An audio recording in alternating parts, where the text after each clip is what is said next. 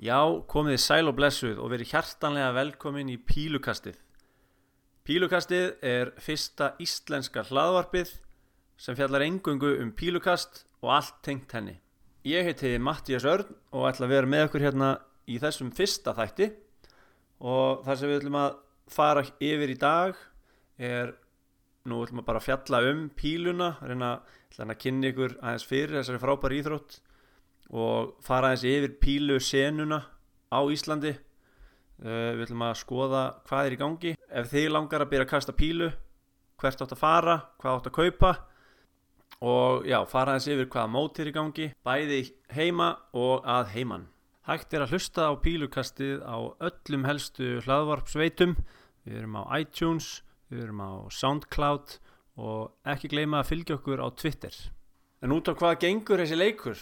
Nú, í stuttumáli þá hefur þrjár pílur, þú byrjar með 501 stig og þú átt að vera undan að koma það nýra á nullið. Þú spilar alltaf það er þú og anstæðingurinn og sá sem er á undan að klára 501 stig sigrar. Það eru margar mismunandi típur af leikjum, þú getur spilað 501, þar sem þú byrjar með 501 stig, þú getur byrjað með 301 stig. Nú, það, er, það er alls konar útfæslur af þessum leik. Vinsalasta útfæslan er 501 hún er spiluð út um allan heim. Það er annar leikur sem heitir Cricket sem er mjög vinsall út í bandaríkjónum en er lítið spilaður uh, í mekka pílunar sem eru út í Breitlandi þar eru menn aðalega fást við 501 leikin og við hérna heima erum helstu, helstu mótin okkar eru 501 301 og cricket. Það við krínum sem sagt Íslasmeistara í 501, 301 og cricket.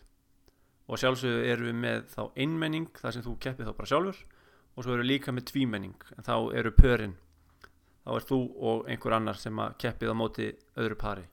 En já, þú sem sagt kastar þremur pílum og píluspjaldið er númerað frá einum upp í 20 og þá, þú ert með mismunandi ring, þú ert með innri ring og ytri ring innri ringurinn gefur þrefalt skor ytri ringurinn gefur tvöfalt skor og svo ertu með miðjuna. Þú ert með raukt búl eða rauða miðju og græna miðju.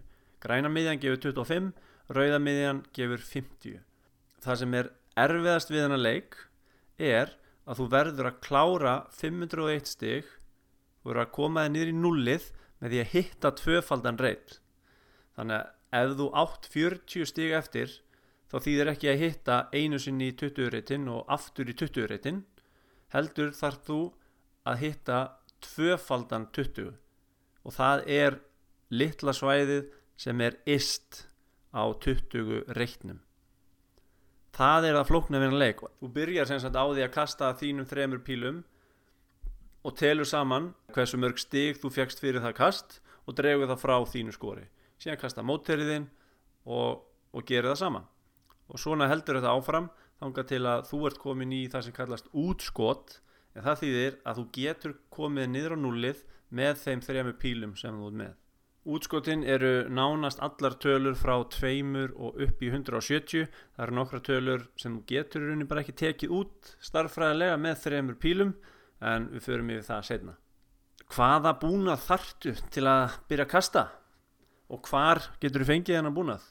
Við byrjum, skulum byrja bara á pílu spjaldinu sjálfu. Ég er oft spurður að því hvaða spjald á ég að fá mér? Nú svarið því við því er það fer eftir budgetinu. Þú getur keftið mjög ódýrt spjald í sportsdirekt sem þú hengir upp á, svona, á snaga. Og það er Ég, ég myndi fyrir ekki að kveikja í peningunum mínum heldur en að kaupa svona spjald. Það, það er algjörst drasl og þú getur rauninni bara kastað á eitt reyt og þegar hann er orðin vel uh, búið að kasta svolítið mikið í hann þá er ekki takt að snúa spjaldinu. Þannig að ég myndi fara í aðeins dýrari spjald. Og getur fengið uh, senast í aðtögu þá var hægt að kaupa spjald í til dæmis Sports Direct á 3-4 skall. Þau eru svona eldri típur af spjöldum en þar getur snúið spjaldinu og þá tölustöfunum í kring með þannig að þú ert alltaf að kasta á nýjan reyt í staðin fyrir að vera alltaf að kasta á sama reytin og það er það góða við þessi, uh, þessi spjöld sem eru svona í dýrar í kantinum að þau endast, þau geta endast í mörg ár, það fyrir eftir hversu duglegur þú ert að, að kasta. En svona álfuru spjöld eiga að endast allavega hálft ár Sportstæðarekt eiga svona spjöld ég heldur kosti eitthvað kringu 10-12 þúsund en ég mæli líka með að skoða uh, kastið.is þau eru með uh, Blade spjöldin og ég myndi segja að það væru bestu spjöldin á markaðanum í dag. Með, það eru sagt, spjöld frá Vinmá uh, þá getur, þú getur fengið Blade 5, það er nýjasta spjaldið og Blade 5 Dual Core Blade 5 spjaldið myndi ég segja væri það vinsalesta í dag. Það er spjald sem er að fara að endast í mjög langan tíma. Þú getur líka verslað hjá þeim uh, svona verndara en það, hann fer, hann fer yfir spjaldið og, er, og stækkar svæðið sem þú getur í rauninni kastað framhjá þannig þú sért ekki að skemma veggin en það heitir að verndari, hann er að vernda veggin lýsingin á píluspjaldinu skiptir líka svolítið miklu máli. En hjá kastinu getur þú keft LED ring sem lýsir 360 gráður á spjaldið og sem kemur í veg fyrir að, myndist skuggi sem að getur tröfla þannig að endilega kíkið á, á síðunar hjá það er bæði, það er kastið.is það er uh, Target á Íslandi ég held að þeir séu bara á Facebook og svo er vestlun sem heitir pingpong.is þannig að endilega kíkið á, á þessa síður og, en eins og sé ég mæli eindrið með að fá sér annarkort Blade 5 spjald eða Unicorn HD spjald. Og þá er það blessaðar pílunar nú ég mæli með að kaupa sér eitthvað ódýrt sett fyrst og finna hvernig þú kastar með því. Pílunar koma í öllum stærðum og gerðum og eru mismunandi þingdum líka. Þær geta verið allt frá 12 grömmum upp í 32 grömm ég mæli með að kaupa þér bara ódýrar pílur byrja að kasta þeim og svo með tímanum þá getur þú farið í að, að fín tjúna uh, bæði þingdina á pílunum, ottana leggina, fjæðurinnar því að það er svo mikið sem að hefur áhrif á hvernig píluna fljúa og það, það mikilvægasta í þessu er að þú finnir þér sett sem hendar þínum kaststíl og að þú sjáir og finnir að pílan fari úr lófanum fljúi beint og sé að lenda rétt í spjaldinu. Ef að pílaðinn er að, ring, eh, er að snúast eitthvað óeðlilega fara, fljúa frá hægri til vinstri og lendir kannski á ská eða, eða vísa niður eða, eða er einhver ruggli þá myndi ég klálega að fara að skoða kannski þartu lengri leggi kannski þartu öðruvísi fjæðurir eða öðruvísi uh, bara pílu sjálfa píluna, kannski þarf þetta að skipta henni út. Nú en að sjálfsögðu getur þetta líka verið kaststílinn þinn. En núna ætlum við að þá að fara aðeins yfir svona grunnatriðin í pílukasti. Hvað, hvernig þarf þetta að kasta? Hvernig átt að kasta? Það er rauninni engin engin regla sem þú þarfst að fara eftir sem er alveg heilög. Það eru ákveðnir grunnþættir sem við ætlum að kíkja núna á sem þurfa eiginlega að vera í lægi því það er grunnurinn að öllu. Og það fyrsta sem við ætlum að tala um er hvernig við stöndum á spjaldið. Ef þú kasta með hægri þá ertu með hægri löppina að okkínu eins og við kallum hana eða kastlínunni. og sumir vilja setja löppina beint á okkið. Sumir vilja vera aðeins á hlið og sumir vilja vera alveg 90 gráður með löppina að okkínu þú þarfst að finna þinn eigin stíl hvern, hvort þú vilt standa beint á aðeins til hliðar eða viltu vera aðeins hægra vinstramegin við spjaldið sjálft. En mikilvægt er að þið líði vel. Þú setur sagt, hægri löppina þá að okkínu og mestur þungin er þar ég myndi segja 70-30 cirka er þá ertu með þungan á fremri löpunni og þér þarf að líða vel. Þetta þarf að vera staða þar sem, sem þú getur endur tekið aftur og aftur og aftur og aftur. Næsta er síðan hendin og þá aðalega olbóin það er mjög mikilvægt að reyna að halda olbóanum í 90 gráðum í gegnum allt kastið. Þú tekur sem sagt píluna upp og þegar þú dregur hana tilbaka áður en þú og kastar henni fram þá þarf það að passa að olbóin sé ekki að reyfast mikið. Eina sem á að reyfast er framhandlegurinn og höndinaður það er eina sem á að reyfast og það er eina sem þarf til þess að kasta pílunni. Allt annað á að vera alveg gravkýrt hausinn þarf að vera kýr líkaminn og þess vegna er svo mikilvægt að staðan sé sterk og góð þannig að þú tekur píluna upp og hefur olbúan í cirka 90 gráðum dregur hana aftur og kastar fram á, uh, og reynir að gera það ákveðið. Og alveg eins og í golfinu þá þartu að fylgja eftir. Það er stór þáttur að fylgja eftir pílunni. Þú tekur hann upp stillir miðið af sérð, finnur ákveðin punkt þar sem að þú horfir á, sex, á reytin sem þú ert að miða á en ert með píluna í sjónlínu dregur hana aftur og kastar beint fram og hendin fylgir á eftir í beitni línu. Þetta er svona þetta eru grunnþættinir sem að verða að vera í lægi til að byrja með. Og þetta er að fyrsta sem að fólk þarf að pæla í. Verðu ekkert að spá í hvar pílan er að lenda það er góð æfing sem ég, sem ég mæli með er að kasta fyrstu pílunni og þar sem hún lendir þar reyniru að setja hinar tvær. Það er mjög góð æfing í að æfa sig að gera alltaf það sama alltaf það sama. Hvernig nátt að halda á pílunni?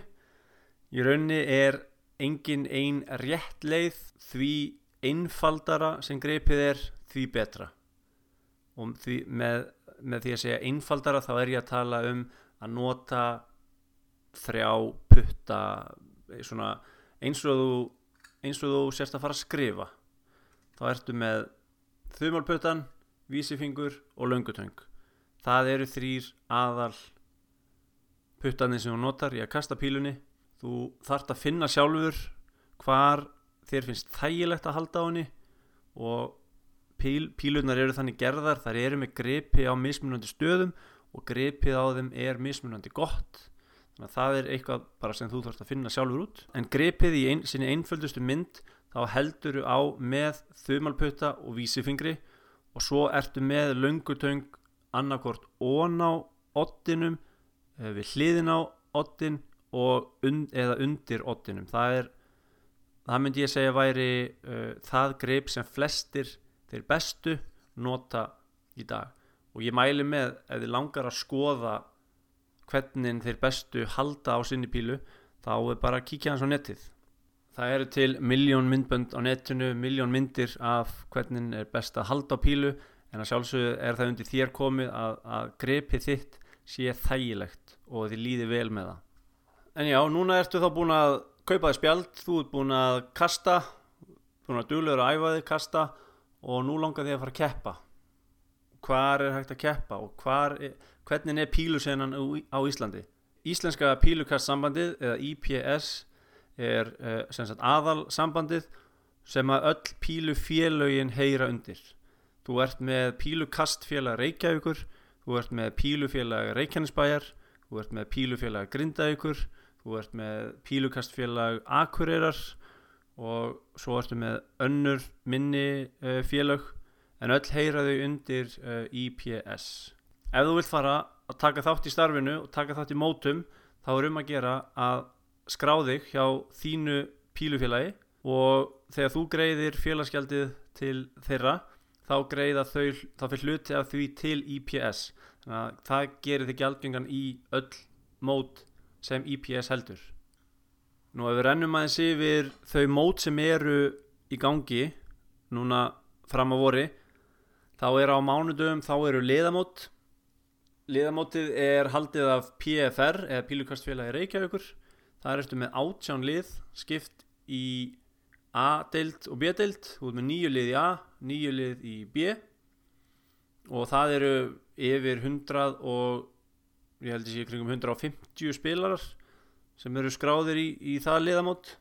Nú Pílufélag Reykjanesbæjar þeir eru með einni með sitt liðamót. Það er á þriðutaskvöldum í, uh, í hérna, aðstöðinni þeirra sem er að Ásbrú. Minnir að rétt er það Keilisbraut 755 það er beint að móti langbest. Þeir eru með liðamóta á þriðutaskvöldum og það eru held ég 6-8 lið þar en á þriðutaskvöldum býður Pílukast félag Reykjavíkur líka upp á uh, svo kvöldu nýliðakvöld en þar geta byrjandur og aðrir komið og kastað undir leiðsög þjálfara og fengið góð ráð. Síðan lítum að vera á miðugudöfum fymtudagarnir tilheyra svolítið mótum sem Pílukastfélag Reykjavíkur sem eru með aðstöðu sína að Tangarhauða 2 í Reykjavík. Sérum út með, með krikketkvöld þú ert með uh, mót sem heitir sköldur og platti.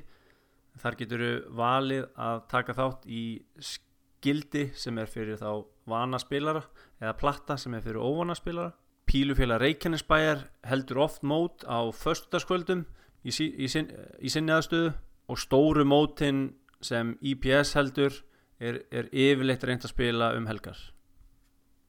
Hvar get ég sem áhuga maður um pílukast hvar get ég nálgast fleiri upplýsingar? Nú ég mæli sterklega með að þið skráið ykkur inn á Facebook grúpuna hér snýst allt um pílukast. En, þar, en það er svona aðal grúpan sem við notum til þess að tilkynna viðburði og spjalla um hluti. Þannig að endilega kíkja á Facebook leitið að hér snýst allt um pílukast og verið með okkur í þeirri grúpu Pílukast félögin eru með uh, sínar síður við erum með uh, dart.is sem er heimasíða IPS við erum með uh, píla.is sem er heimasíða Pílukastfélagi Reykjavíkur og svo getur við farið inn á þórsport.is þú vilt kíkja á pílukastið fyrir norðan. Svo verði ég að nefna nýjustu viðbótina við pílu íþróttina hérna á Íslandi en það er spjaltölvu væðingin.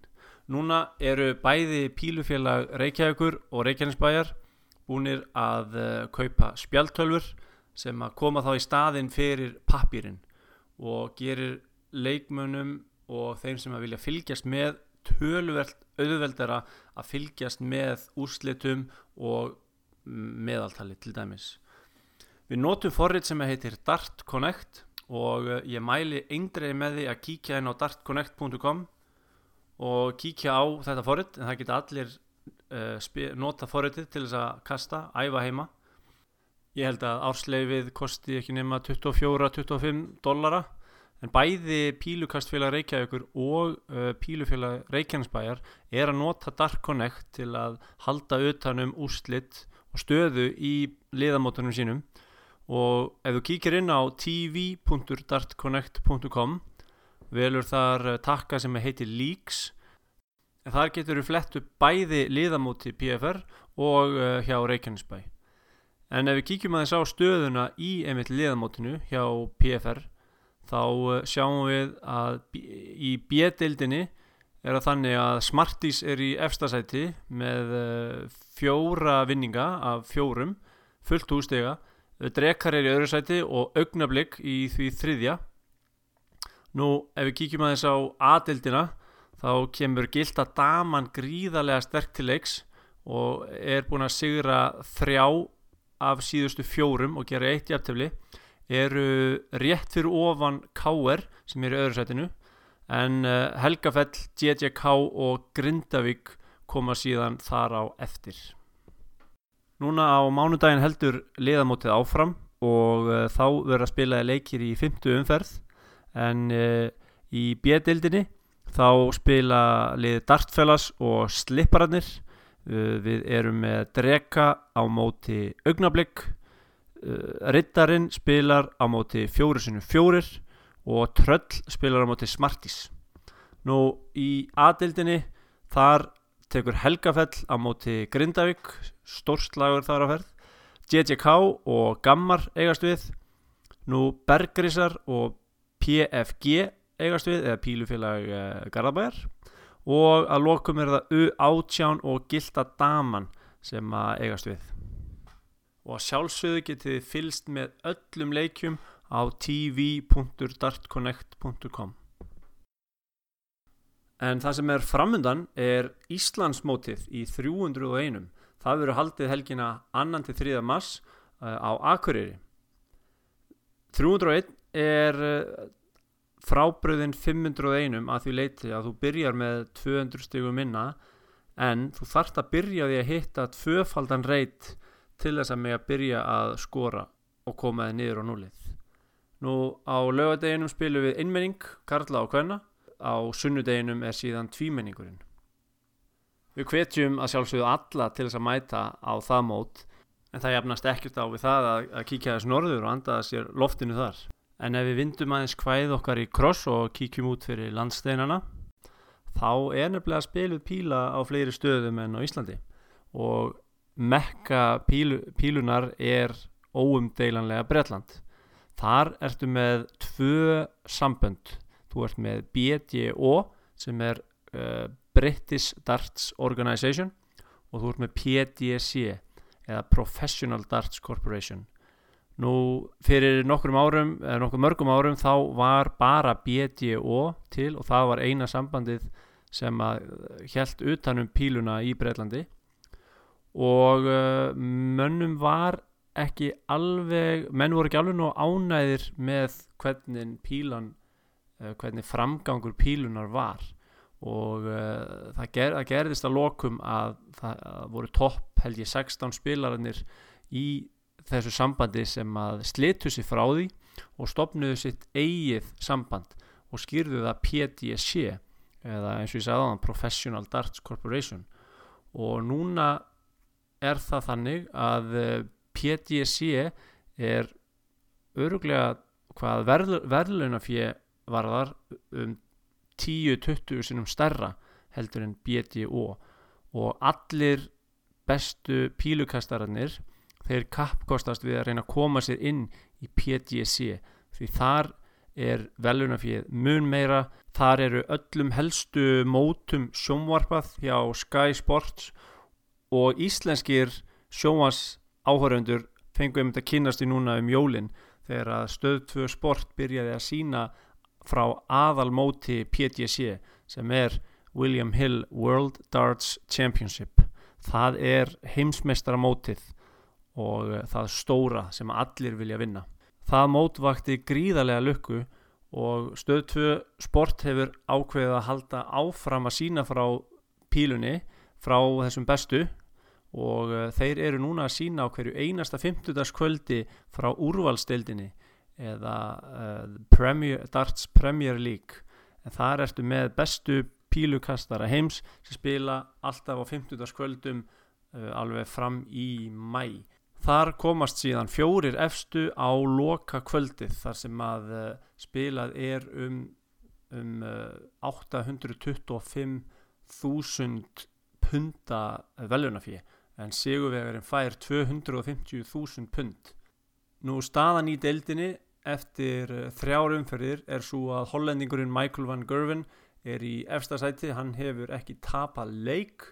Öðru sæti er Daryl Gurney þriða sæti er Gervin Price og Peter Wright er í fjörða sæti það er einn spilari sem að mun uh, hellast úr lestinni eftir nýju umferðir en uh, Michael Smith sá sem komst í úslit í fyrra hann vermir bottsætið Í síðustu viku var spilað í Dublin og þar uh, gerði Gorvin Price og James Wade 6-6 jafntefni.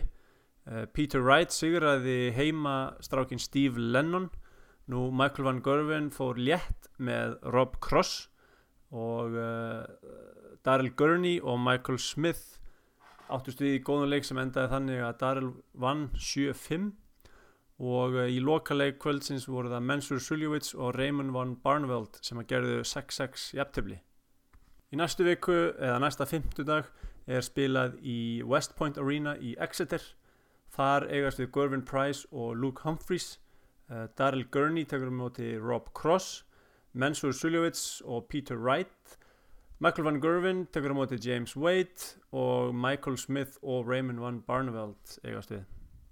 Það sem er einkynlegt við þessa deild í ár er að einn af leikmönunum sem átti að taka þátt, sko, uh, skotin Gary Anderson, hann varða að draga sig frá keppni vegna bakmeðsla og í staðin fyrir að dra, se, uh, velja inn nýjan spilara þá ákváðu PDC að velja nýju mismunandi spilara og kalla þá The Contenders og það er þeirra leið til þess að gefa ungum og efnilegum spilurum tækifæri á að upplifa að spila fyrir framann alla þennan fjölda. Þar eru þeir að spila í tróðfullum höllum sem taka frá 5 og upp í 15.000 manns. En þá er þessum fyrsta þætti lokið, ég bara þakka kellega fyrir áriðnina. Við stefnum á að gefa út þetta podcast allavega einu sín í mánuði til að byrja með. Nú ef þú hefur einhverjar tillögur eða hugmyndir að efni í þættinum þá endilega fylg okkur á Twitter en þú finnur okkur undir pílukastið annars takka ég bara kærlega fyrir góðar stundir